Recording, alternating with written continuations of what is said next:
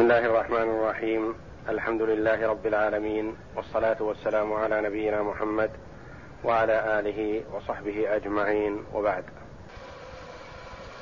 اعوذ بالله من الشيطان الرجيم وان تعجب فعجب قولهم أإذا كنا ترابا أإنا لفي خلق جديد أولئك الذين كفروا بربهم وأولئك الأغلال في أعناقهم وأولئك أصحاب النار هم فيها خالدون.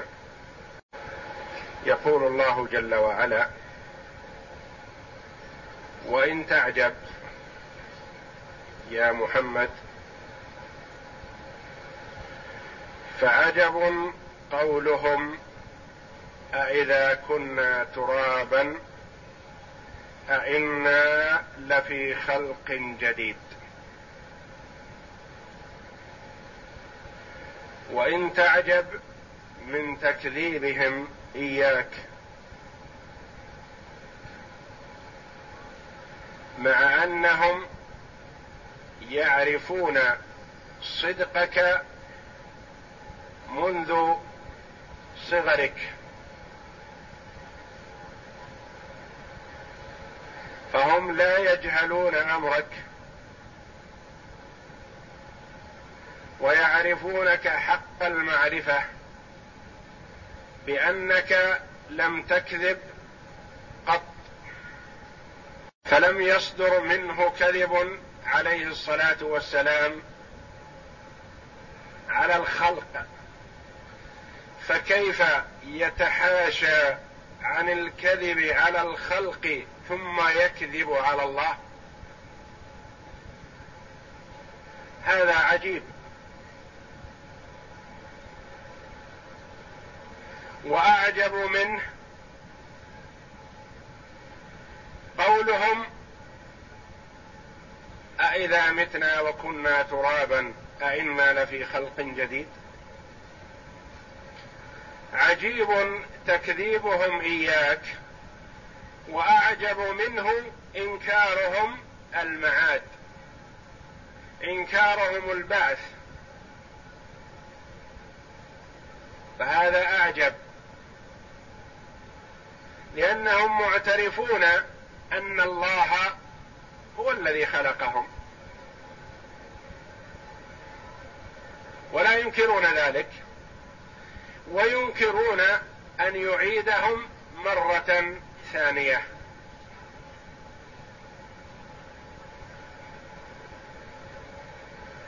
فتكذيبهم إياك عجيب وأعجب منه إنكارهم البعث. فعجب قولهم وعجب مبتدأ وقولهم خبره ما هو قولهم؟ ما هو مقول القول هذا؟ قولهم أإذا كنا ترابا أإنا لفي خلق جديد. أإذا كنا ترابا الهمزة للاستفهام الإنكاري يعني هم ينكرون هذا انكارا شديدا. وإذا ظرف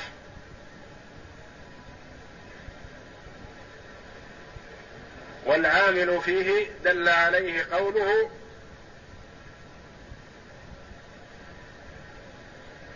أئنا لفي خلق جديد. فعجب قولهم أإذا كنا ترابا نبعث أو نخلق مرة ثانية أو يعاد خلقنا. والمراد بالخلق الجديد يعني البعث مرة ثانية الإحياء بعد الإماتة. وهم ينكرون ذلك. ومن اعترف بأن الله هو الخالق أول الأمر وجب عليه أن يعترف بالبعث لأن البعث أسهل من الخلق في المرة الأولى. ثم أخبر جل وعلا عن هؤلاء الذين قالوا هذه المقالة بثلاثة أخبار متتابعة. قال أولئك الذين كفروا بربهم. لو اعترفوا بأن الله هو الخالق الرازق المحيي المميت فهؤلاء كفار لأنهم أنكروا البعث. أولئك الذين كفروا بربهم. الخبر الثاني وأولئك الأغلال في أعناقهم. والخبر الثالث وأولئك أصحاب النار هم فيها خالدون. هؤلاء المتصفون بهذه الصفة الذين قالوا هذه المقالة أخبر الله جل وعلا عنهم بأنهم كفار. ومن أنكر البعث كفر. يقول الله جل وعلا زعم الذين كفروا أن لن يبعثوا قل بلى وربي لتبعثن ثم لتنبؤن. بما عملتم وذلك على الله يسير سهل.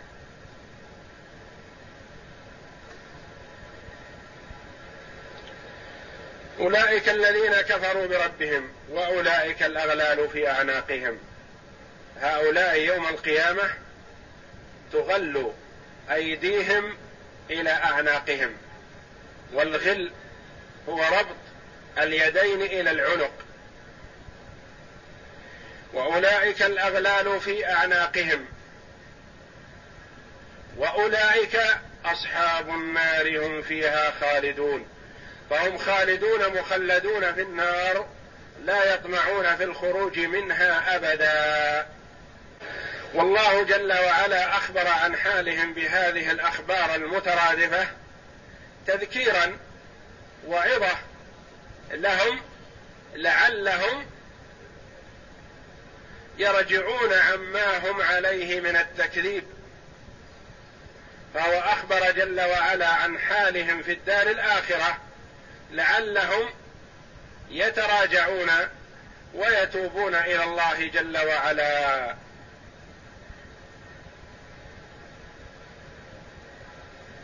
والمراد بالأغلال أنها تغل أيديهم إلى أعناقهم ويسحبون في النار والعياذ بالله.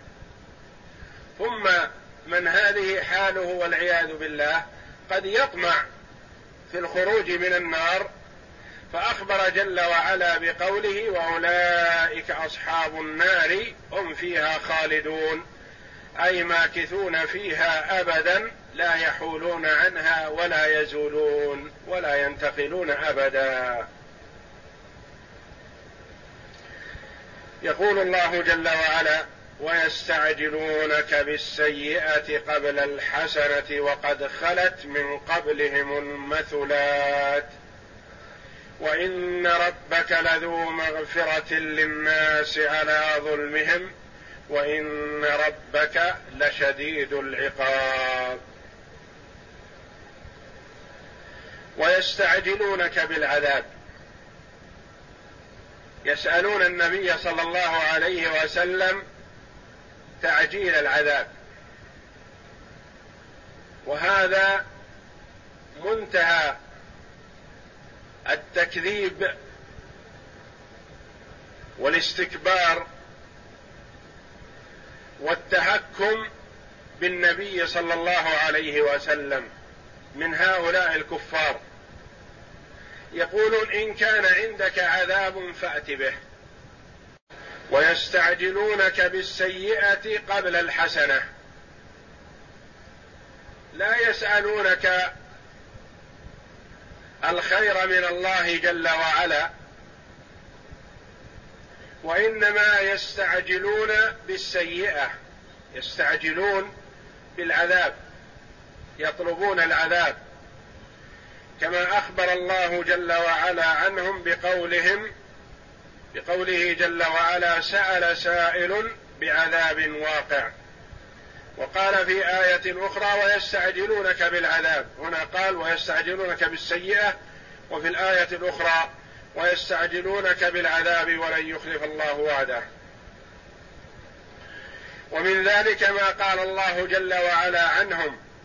وإذ قالوا اللهم إن كان هذا هو الحق من عندك فأمطر علينا حجارة من السماء. من فرط جهلهم واستكبارهم والعياذ بالله يقولون اللهم إن كان هذا هو الحق من عندك فأمطر علينا حجارة من السماء. ما قالوا اللهم إن كان هذا هو الحق من عندك فاهدنا له. أو فألهمنا رشدنا أو فاجعلنا نصدق به. قالوا فأمطر علينا حجارة من السماء. منتهى التهكم والتكذيب بالنبي للنبي صلى الله عليه وسلم والجهل.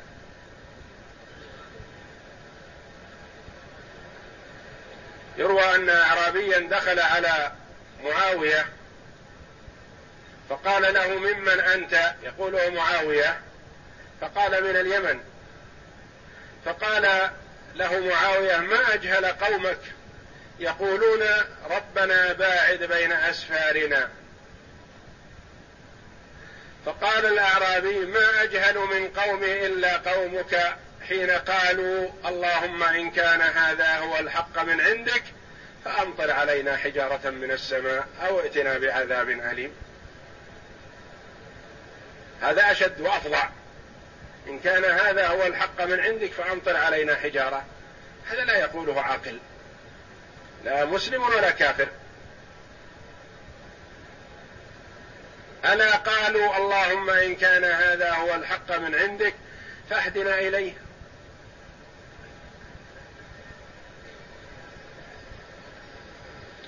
ويستعجلونك بالسيئة قبل الحسنة. يطلبون العقوبة قبل العفو. يطلبون الانتقام قبل المغفرة. يقول الله جل وعلا وقد خلت من قبلهم المثلات وقد خلت بمعنى مضت. مضت الأمثلة. ليس تعذيبهم هو أول ما وقع في الأرض حتى كأنهم يستبعدون هذا أو يستنكرونه أو يقول إنه لا يقع. يقول الله جل وعلا وقد خلا خلت من قبلهم أخبار من عذبوا وصل إليهم أخبار الأمم السابقة الذين انتقم الله جل وعلا منهم لما عصوا رسلهم.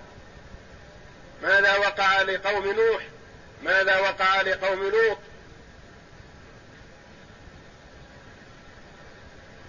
ماذا وقع لقوم هود؟ ماذا وقع لقوم صالح؟ ماذا وقع للفراعنة؟ ماذا وقع للأمم السابقة؟ خلت مضت من قبلهم المثلات الأمثلة في تعذيب الله جل وعلا من عصاه وخالف أمره وكذب رسله أو المثلات جمع مثله. والمثلة هي وضع الشيء في المرء وضع ما يشينه فيه. يقال مثل به بأن قلعت عيناه وهو حي أو قطعت أذناه وهو حي أو بقر بطنه أو نحو ذلك مما يشينه. يقول جل وعلا وقد خلت من قبلهم الأمثلة والمثل في تعذيب من عصى الله جل وعلا. ثم قال جل وعلا وإن ربك لذو مغفرة للناس على ظلمهم.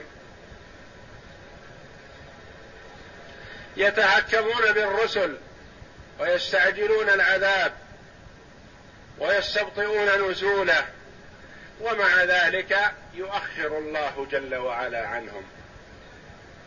ويأمر رسوله صلى الله عليه وسلم بأن يكرر لهم الدعوة.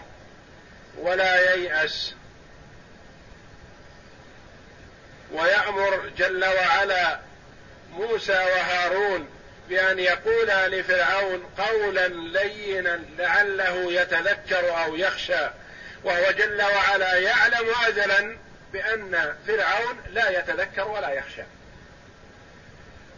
ولكنه جل وعلا يتلطف بعباده ويؤخر عنهم العذاب.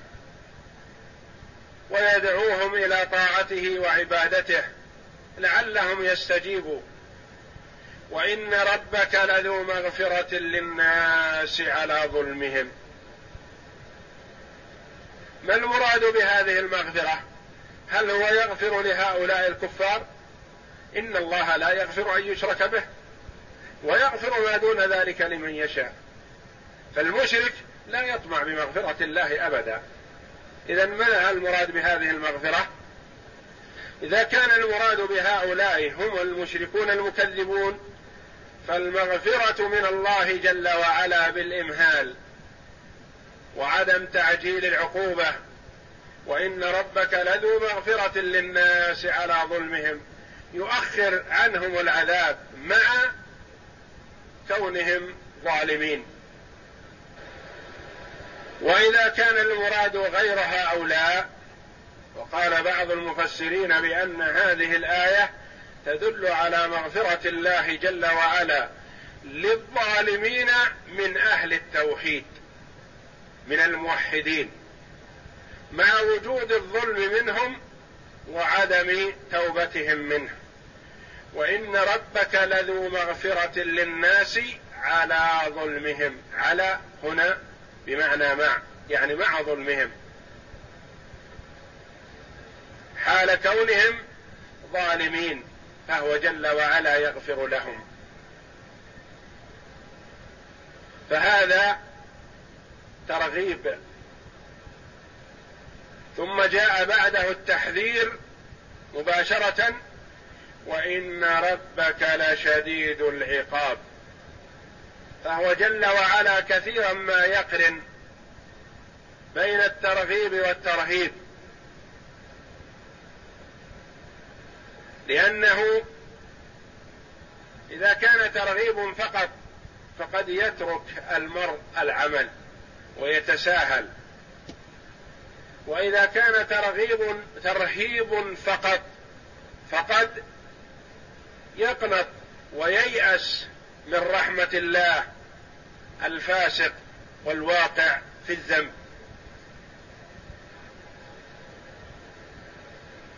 فلذا يقرن بينهما جل وعلا وينبغي للمؤمن أن يكون بين الترغيب والترهيب وأن يكون الترغيب والترهيب عنده كجناحي الطائر. لا يغلب واحد على الآخر إلا في حالات. إن غلب جانب الترغيب فقد يترك العمل ويتساهل وينهمك في المعصية وهذا خطر عليه. وإن غلب جانب الخوف والترهيب فقد ييأس ويقنط واليأس من روح الله كفر.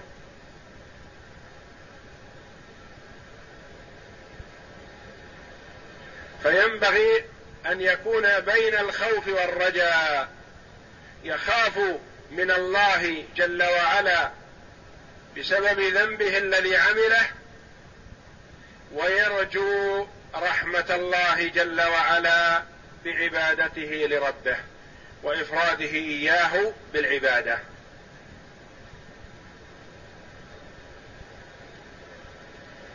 إلا أنه في بعض الحالات يحسن تغليب هذا الجانب وفي بعضها يحسن تغليب الجانب الآخر.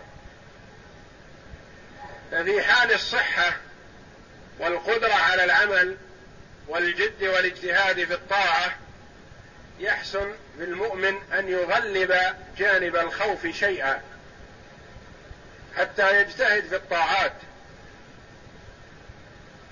ويزيد في الأعمال الصالحة. ويتخوف من الذنب وإن قل حتى لا يكثر من الذنوب. وفي جانب المرض يحسن أن يغلب جانب الرجاء لأنه في هذه الحال قد يضعف عن العمل وفي ضعفه عن العمل وتذكره لذنوبه السابقة قد يصيبه اليأس والقنوط وهذا خطر عليه. فلذا يحسن في حال المرض أن يغلب جانب الرجاء ويغلب جانب سعة عفو الله ومغفرته على جانب أخذه وعقابه جل وعلا. وهذا في آيات القرآن كثير. وإن ربك لذو مغفرة للناس على ظلمهم. وإن ربك لشديد العقاب. يقول الله جل وعلا إن ربك لسريع العقاب وإنه لغفور رحيم. ويقول جل وعلا نبئ عبادي أني أنا الغفور الرحيم. وأن عذابي هو العذاب الأليم. ويقول جل وعلا فإن كذبوك فقل ربكم ذو رحمة واسعة ولا يرد بأسه عن القوم المجرمين. فالله جل وعلا هو غفور رحيم وهو جل وعلا شديد العقاب. غفور رحيم بمن آمن به شديد العقاب بمن كفر به وعصى رسله. ويقول سعيد بن المسيب رحمه الله لما نزلت هذه الآية وإن ربك لذو مغفرة للناس على ظلمهم الآية. قال رسول الله صلى الله عليه وسلم لولا عفو الله وتجاوزه ما هنأ احدنا العيش ولولا وعيده وعقابه لاتكل كل أحد. فلذا ينبغي للعبد أن يلاحظ الأمرين ويجعلهما نصب عينيه دائما وأبدا ليحفزه الخوف من العقوبة ترك المعصية والاجتهاد في الطاعة وليحفزه الرجاء إلى عدم القنوط واليأس من رحمة الله جل وعلا.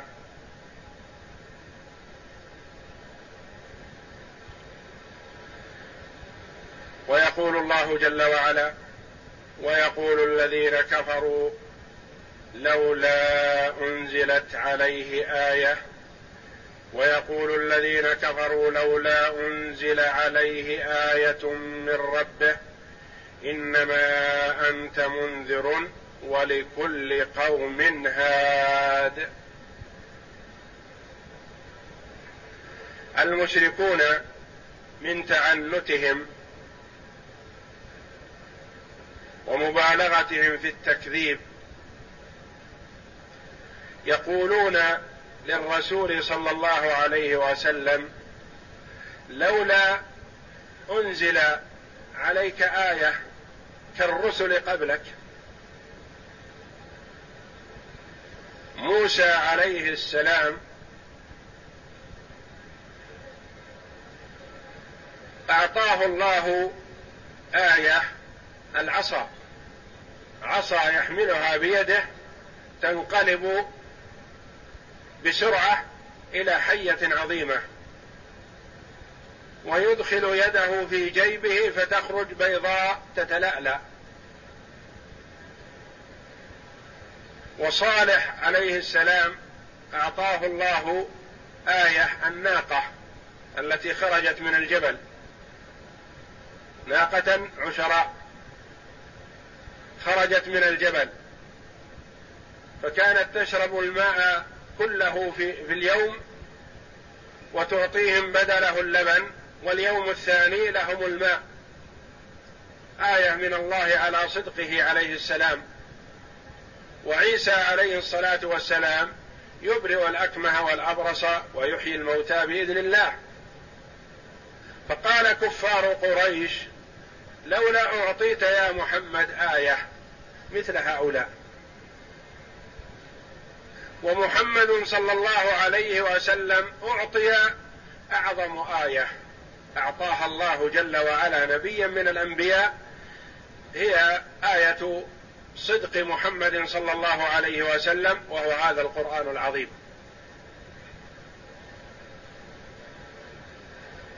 يقول عليه الصلاة والسلام ما من نبي إلا وأعطاه الله من الآيات ما على مثله آمن البشر. وإنما الذي أوتيته وحي أوحاه الله إلي وأرجو أن أكون أكثرهم تابعا. فأعظم آية أعطيها نبي هي آية صدق محمد صلى الله عليه وسلم وهو هذا القرآن العظيم. الذي جاء بأخبار الأولين والآخرين. جاء مصدقا للكتب السابقة كلها ومهيمنا عليها ومحمد صلى الله عليه وسلم لا يقرأ ولا يكتب فهو لا يكتب ولا اسمه عليه الصلاة والسلام معجزة من الله جل وعلا. فالأمية صفة نقص في الناس. إلا محمد صلى الله عليه وسلم فأميته دلت على كماله عليه الصلاة والسلام. اسمه لا يكتبه. لا يكتب اسمه ولا يقرأه. حينما أراد أن يمحى محمد رسول الله حينما أراد أن يمحى رسول الله في العهد الذي كتب يوم صلح الحديبية كتبه علي وقال سهيل بن عمرو في حال كفره لو نعلم أنك رسول الله ما حاربناك وما صددناك عن البيت لكن لا نعترف بالرسالة. فقال الرسول لعلي امحها امح كلمة رسول الله لأجل أن يتم الصلح. فتوقف علي رضي الله عنه. كيف يمحاها وهو مؤمن بأن محمد رسول الله؟ فقال عليه الصلاة والسلام أرنيها. ما يعرفها عليه الصلاة والسلام. حروفها لا يعرف حروفها عليه الصلاة والسلام. أرنيها فأراه إياها فمسحها بيده عليه الصلاة والسلام. لا يقرأ ولا يكتب. ويأتي بهذه القصص العظيم كما تقدم قريبا قصة يوسف عليه السلام. وهذه الأحكام ولو كان من عند غير الله لوجدوا فيه اختلافا كثيرا.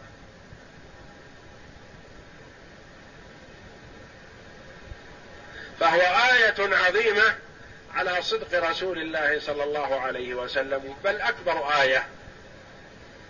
ويقول الذين كفروا لولا أنزل عليه آية من ربه إنما أنت منذر. يقول الله جل وعلا أنت جئت إليهم لك وظيفة وهي النذارة. تنذر تخوف. من كفر بالله وهو بشير لمن آمن بالله بالجنة.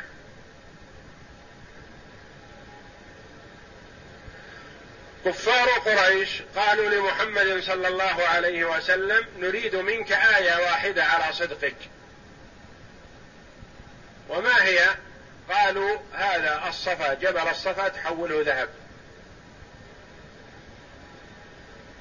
فقال عليه الصلاة والسلام هذا ليس إلي هذا إلى الله. قالوا إذا هذه الجبال المحيطة بمكة والمضيقة علينا أزلها أبعدها واجعل بدلها أنهار ورياض نزرع فقال عليه الصلاة والسلام هذا ليس إلي هذا إلى الله. وطلبوا آيات كثيرة فأعطاهم الله جل وعلا لكن لعلمه جل وعلا أنهم لا يؤمنون ولو أعطوا هذه الآيات التي طلبوها فلم يؤمنوا لاستعجلوا بالعذاب واستؤصلوا. والله جل وعلا لم يرد ذلك لأمة محمد صلى الله عليه وسلم. لاستؤصلوا بالعذاب.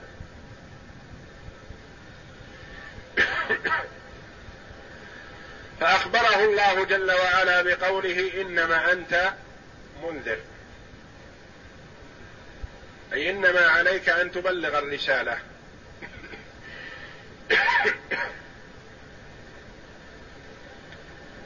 وقال الله جل وعلا له ليس عليك هداهم ولكن الله يهدي من يشاء.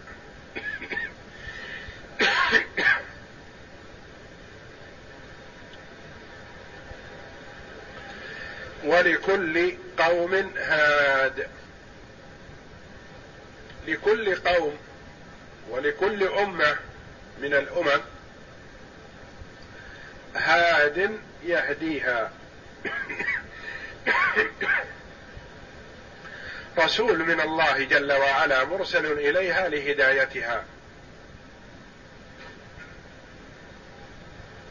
ولكل قوم هاد أنت منذر ولكل أمة من الأمم هاد يهديها.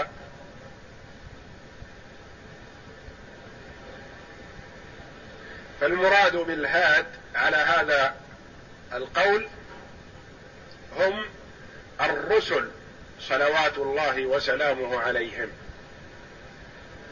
وهم هادون لأممهم يعني يهدونهم يدلونهم الطريق المستقيم. وقيل المراد والله أعلم ولكل قوم هاد هو الله جل وعلا. الله هو الذي يهدي من يشاء ويضل من يشاء. فأنت يا محمد عليك النذارة وعليك البلاغ والهداية ليست إليك بل الهداية لله جل وعلا. هو الذي يعطيها من شاء تفضلا واحسانا ويحرمها من شاء عدلا لحكمة. فعلى القول الأول ولكل قوم هاد لكل أمة من الأمم نذير ومرشد وموجه وهو وموجه لها وهو نبيها. على معنى قوله جل وعلا وإن من أمة إلا خلا فيها نذير. وقال مالك رحمه الله ولكل قوم هاد يدعوه من الله عز وجل. يعني لكل أمة من الأمم نبي يبلغهم عن الله جل وعلا. وقال ابن عباس رضي الله عنهما لما نزلت إنما أنت منذر ولكل قوم هاد قال وضع رسول الله صلى الله عليه وسلم يده على صدره وقال أنا المنذر ولكل قوم هاد وأومأ بيده إلى منكب علي. هذا مروي عن آه، أورده ابن كثير رحمه الله على أساس أنه ورد في بعض كتب التفسير وضعفه. قال ولكل قوم هاد وأشار إلى علي. وقال أنت الهادي يا علي بك يهتدي المهتدون من بعدي. قال ابن كثير رحمه الله وهذا الحديث فيه نكارة شديدة.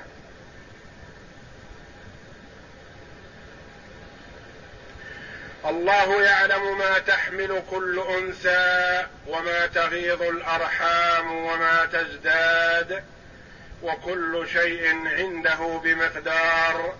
عالم الغيب والشهادة الكبير المتعال. يبين جل وعلا أنه عالم بكل شيء لا تخفى عليه خافية. الله يعلم ما تحمل كل أنثى. يعلم جل وعلا حمل كل أنثى من بنات آدم ومن الحيوانات ومن الطير ومن سائر المخلوقات. يعلم ما في أرحامها جل وعلا. ما تحمل كل أنثى وما تغيظ. الغيظ النقص. قيل المراد وما تغيظ يعني ما يسقط من الرحم قبل تمامه. المراد به السقط. يعلمه جل وعلا. وما تزداد.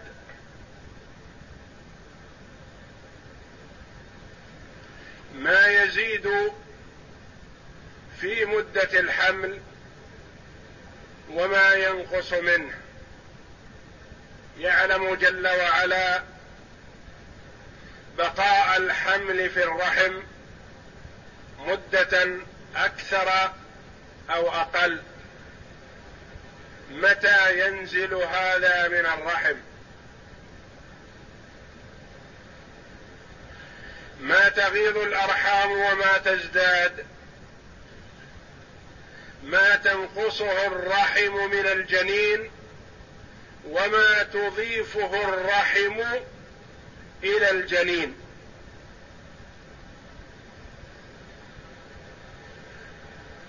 وهذه المعاني كلها تدل على سعة علم الله جل وعلا وإحاطته بكل شيء. الله يعلم ما تحمل كل أنثى وما تغيض الأرحام وما تزداد وكل شيء عنده بمقدار كل شيء بقضاء وقدر مدة الحمل مقدرة متى يخرج الحمل يعلم جل وعلا ذلك هل يخرج سليما أو يخرج ميتا الله جل وعلا يعلم ذلك. هل ما في الرحم شقي أم سعيد؟ هل ما في الرحم حي أم ميت؟ هل ما في الرحم يطول عمره أم يقصر؟ كما قال الله جل وعلا في الآية الأخرى إن الله عنده علم الساعة وينزل الغيث ويعلم ما في الأرحام. وما تدري نفس ماذا تكسب غدا وما تدري نفس بأي أرض تموت. خمس من المغيبات استأثر الله جل وعلا بعلمها ويعلم ما في الأرحام. وقال هنا الله يعلم ما تحمل كل أنثى. قد يقول قائل ويعلم ما في الأرحام. كان في الأول سر وأما الآن فبعض الأطباء يعلمون ما في الرحم فهو واحد أم اثنين. ويعلمون ما في الرحم هل هو حي أم ميت. ويعلمون ما في الرحم هل هو ذكر أم أنثى. نقول نعم قد يعلمون الأطباء ذلك لكنهم لا يعلمون كعلم الله جل وعلا ابدا. وإن أطلعهم الله جل وعلا على بعض العلوم فلا يمكن أن يحيطوا بما أحاط الله جل وعلا به. فهل يعلم الطبيب أن ما في الرحم يولد حيا أو ميت؟ هل يعلم الطبيب أن ما في الرحم شقي أو سعيد؟ هل يعلم الطبيب أن ما في الرحم يطول عمره ويعمر إلى مائة سنة أو يموت في السنة الأولى أو الثانية أو العاشرة لا يعلم. والله جل وعلا لم يقل يعلم ما في الأرحام ذكر أم أنثى. قال ويعلم ما في الأرحام.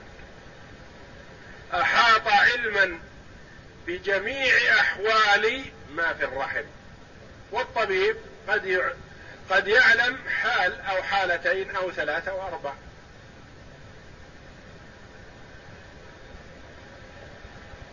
فلا يقال إنه لا يمكن أن يعلم الطبيب هل ما في الرحم ذكر أو أنثى لأن الله جل وعلا يقول ويعلم ما في الأرحام نقول لا. يجوز أن الطبيب يعلم ما فيه هل هو ذكر أو أنثى. أو يعلم أنه حي أو ميت الآن يعلم.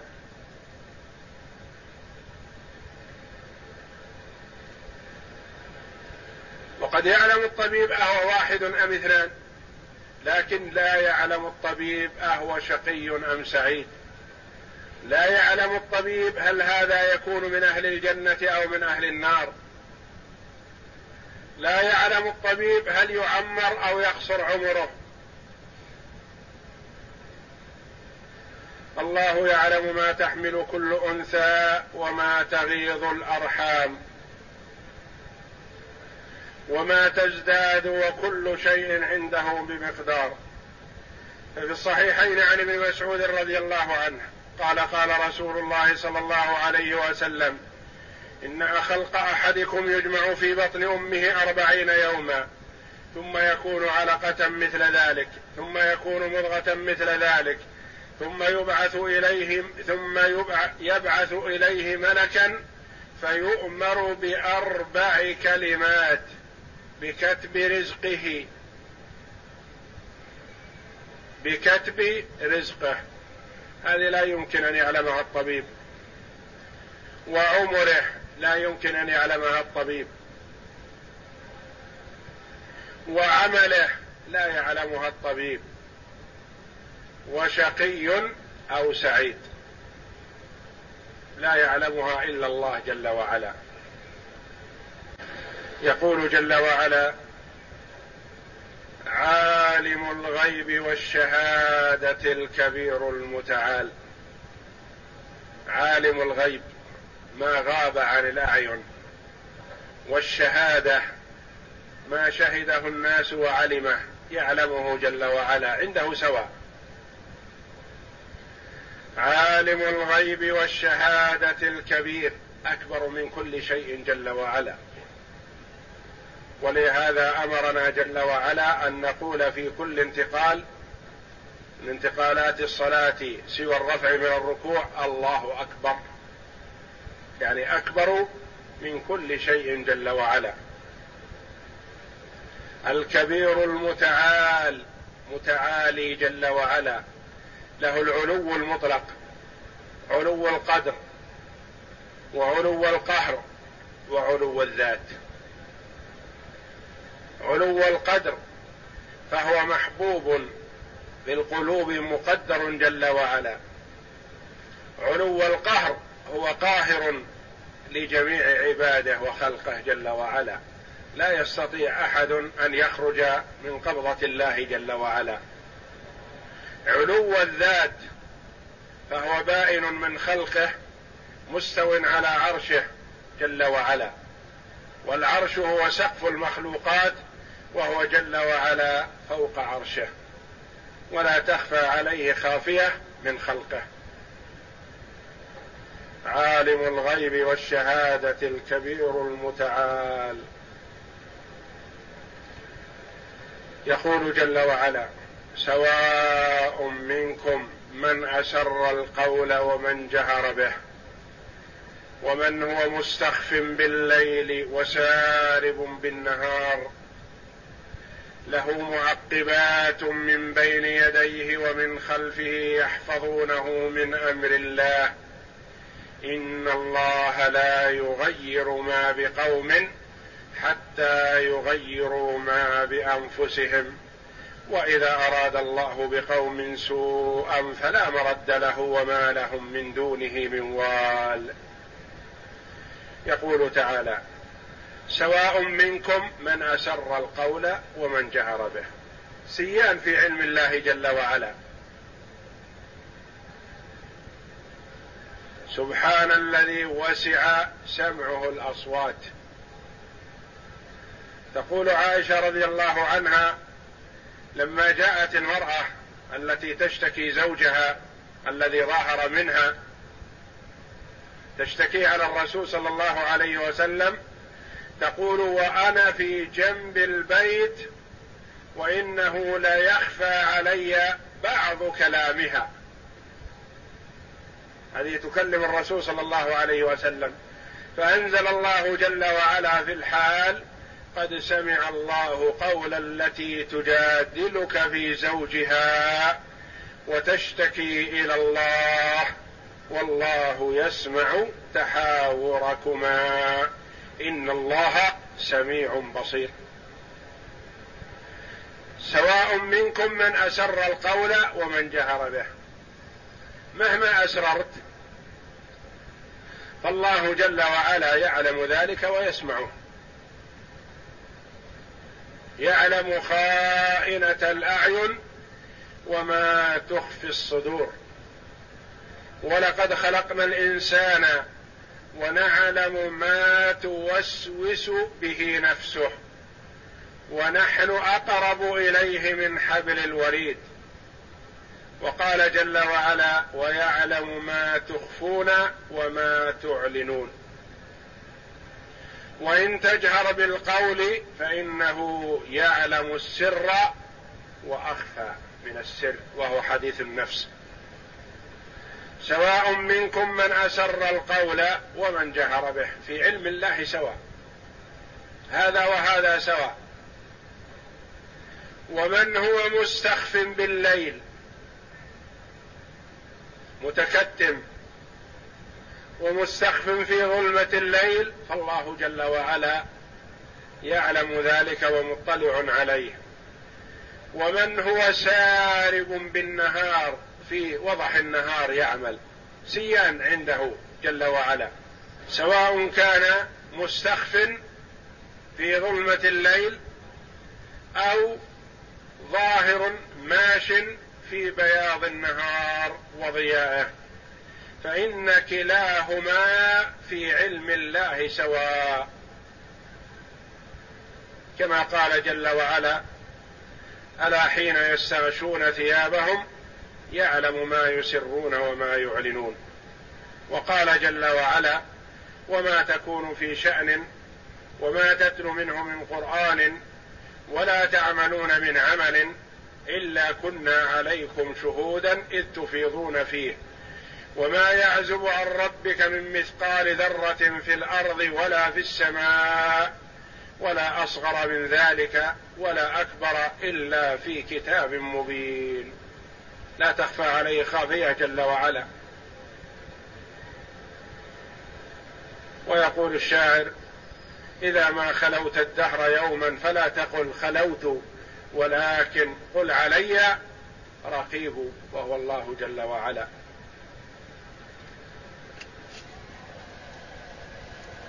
له معقبات من بين يديه ومن خلفه يحفظونه من أمر الله. له معقبات ملائكة يتعاقبون على العباد.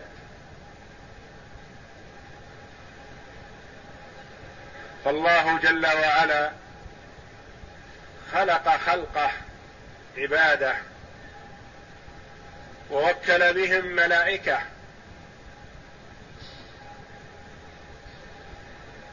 كل واحد من بني آدم معه ملكان للكتابة. ملك على اليمين يكتب الحسنات وملك على الشمال يكتب السيئات. وملك من أمامه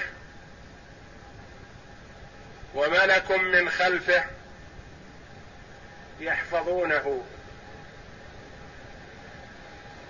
من الأعداء والمؤذيات والحشرات والسباع والهوام وكل من أراد أن يمتد إليه بسوء لم يقدر عليه. يحفظونه مما لم يقدر. وأما ما قدره الله فهم يتوقفون. الشيء المقدر يمضي بإذن الله ولا يمنعونه. الملك الذي على اليمين يكتب الحسنات والملك الذي على الشمال يكتب السيئات. وكاتب الحسنات مؤمر على كاتب السيئات. فإذا عمل العبد حسنة سارع الملك بكتبها بإذن الله. وإذا عمل العبد سيئة استأذن الملك صاحبه. هل يكتبها؟ فيقول انتظر لعله أن يستغفر ويتوب. ثم يستأذن الثانية أكتبها؟ فيقول انتظر لعله أن يستغفر ويتوب. ثم يستأذن الثالثة فيقول اكتبها أراحنا الله منه فبئس القرين هو هو. ما أجرأه على الله وما أقل حياءه منا. والنبي صلى الله عليه وسلم يقول استحيوا الكرام الكاتبين فإن معكم من لا يفارقكم إلا في حال قضاء الحاجة والجماع فاستحيوهم. استحيوا منهم فإنهم كرام على الله جل وعلا. أربعة معه في الليل في النهار وأربعة في الليل. ويجتمعون في صلاة العصر وصلاة الفجر. يجتمع الثمانية مع العبد في صلاة العصر وصلاة الفجر. فيسأل جل وعلا الملائكة الذين يصعدون وهو أعلم بحال عبده. كيف تركتم عبادي؟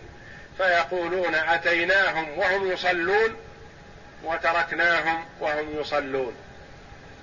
فهم خيار كرام أفاضل يذكرون المحاسن ويعلنونها. حينما يسألهم ربهم جل وعلا وهو أعلم كيف تركتم عبادي؟ يقولون أتيناهم وهم في حال صلاة وعبادة صلاة الفجر. وتركناهم في صلاة العصر وهم يصلون ويعبدون. هؤلاء ملائكة النهار وملائكة الليل مثل ذلك. يأتون إلى العبد وهو في صلاة العصر ويصعدون في صلاة الفجر. ويقول عليه الصلاة والسلام ما منكم من أحد إلا وقد وكل به قرينه من الجن وقرينه من الملائكة. قالوا وإياك يا رسول الله؟ قال وإياي ولكن الله أعانني عليه فلا يأمرني إلا بخير. رواه مسلم. وقال أبو أمامة ما من آدمي إلا ومعه ملك يذود عنه حتى يسلمه للذي قدر له. يعني الشيء المقدر لا محيد عنه. له معقبات من بين يديه ومن خلفه يحفظونه من أمر الله. يحفظونه من أمر الله. مما لم يقدره الله جل وعلا عليه. أو يحفظونه بأمر الله. ثم قال جل وعلا إن الله لا يغير ما بقوم حتى يغيروا ما بأنفسهم. وروى ابن أبي حاتم قال أوحى الله إلى نبي من أنبياء بني إسرائيل أن قل لقومك إنه ليس من أهل قرية ولا أهل بيت يكونون على طاعة الله فيتحولون منها إلى معصية الله إلا حول الله عنهم ما يحبون إلى ما يكرهون ثم قال إن تصديق ذلك في كتاب الله إن الله لا يغير ما بقوم حتى يغيروا ما بأنفسهم. فالله جل وعلا ينعم على عباده. فإذا غيروا ما أمروا به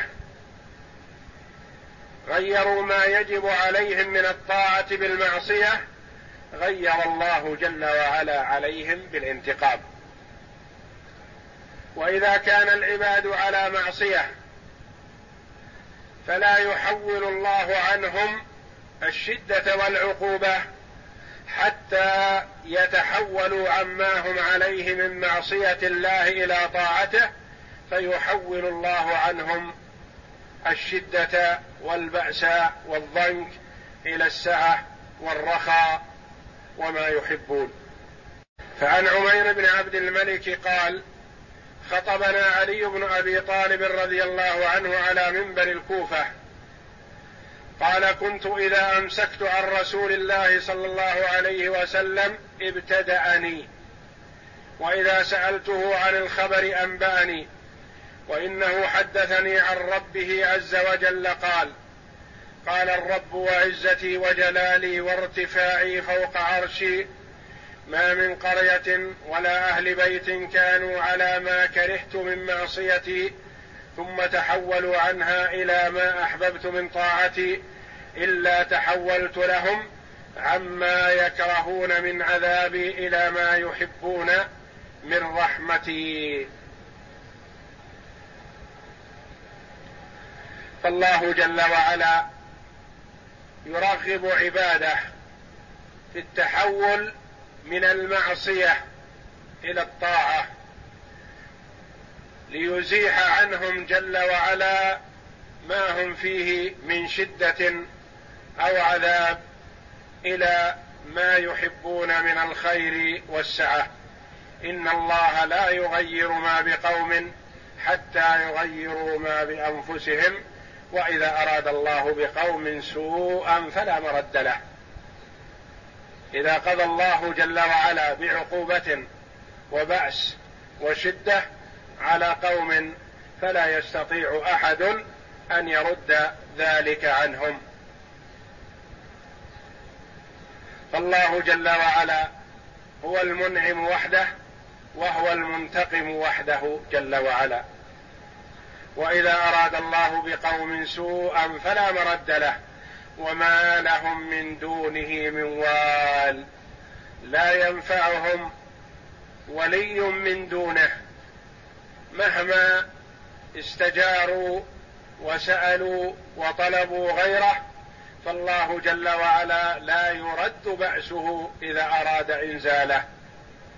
كما أن الله جل وعلا إذا أراد بقوم رحمة فلا يستطيع أحد أن يمسهم بعذاب أو أذى.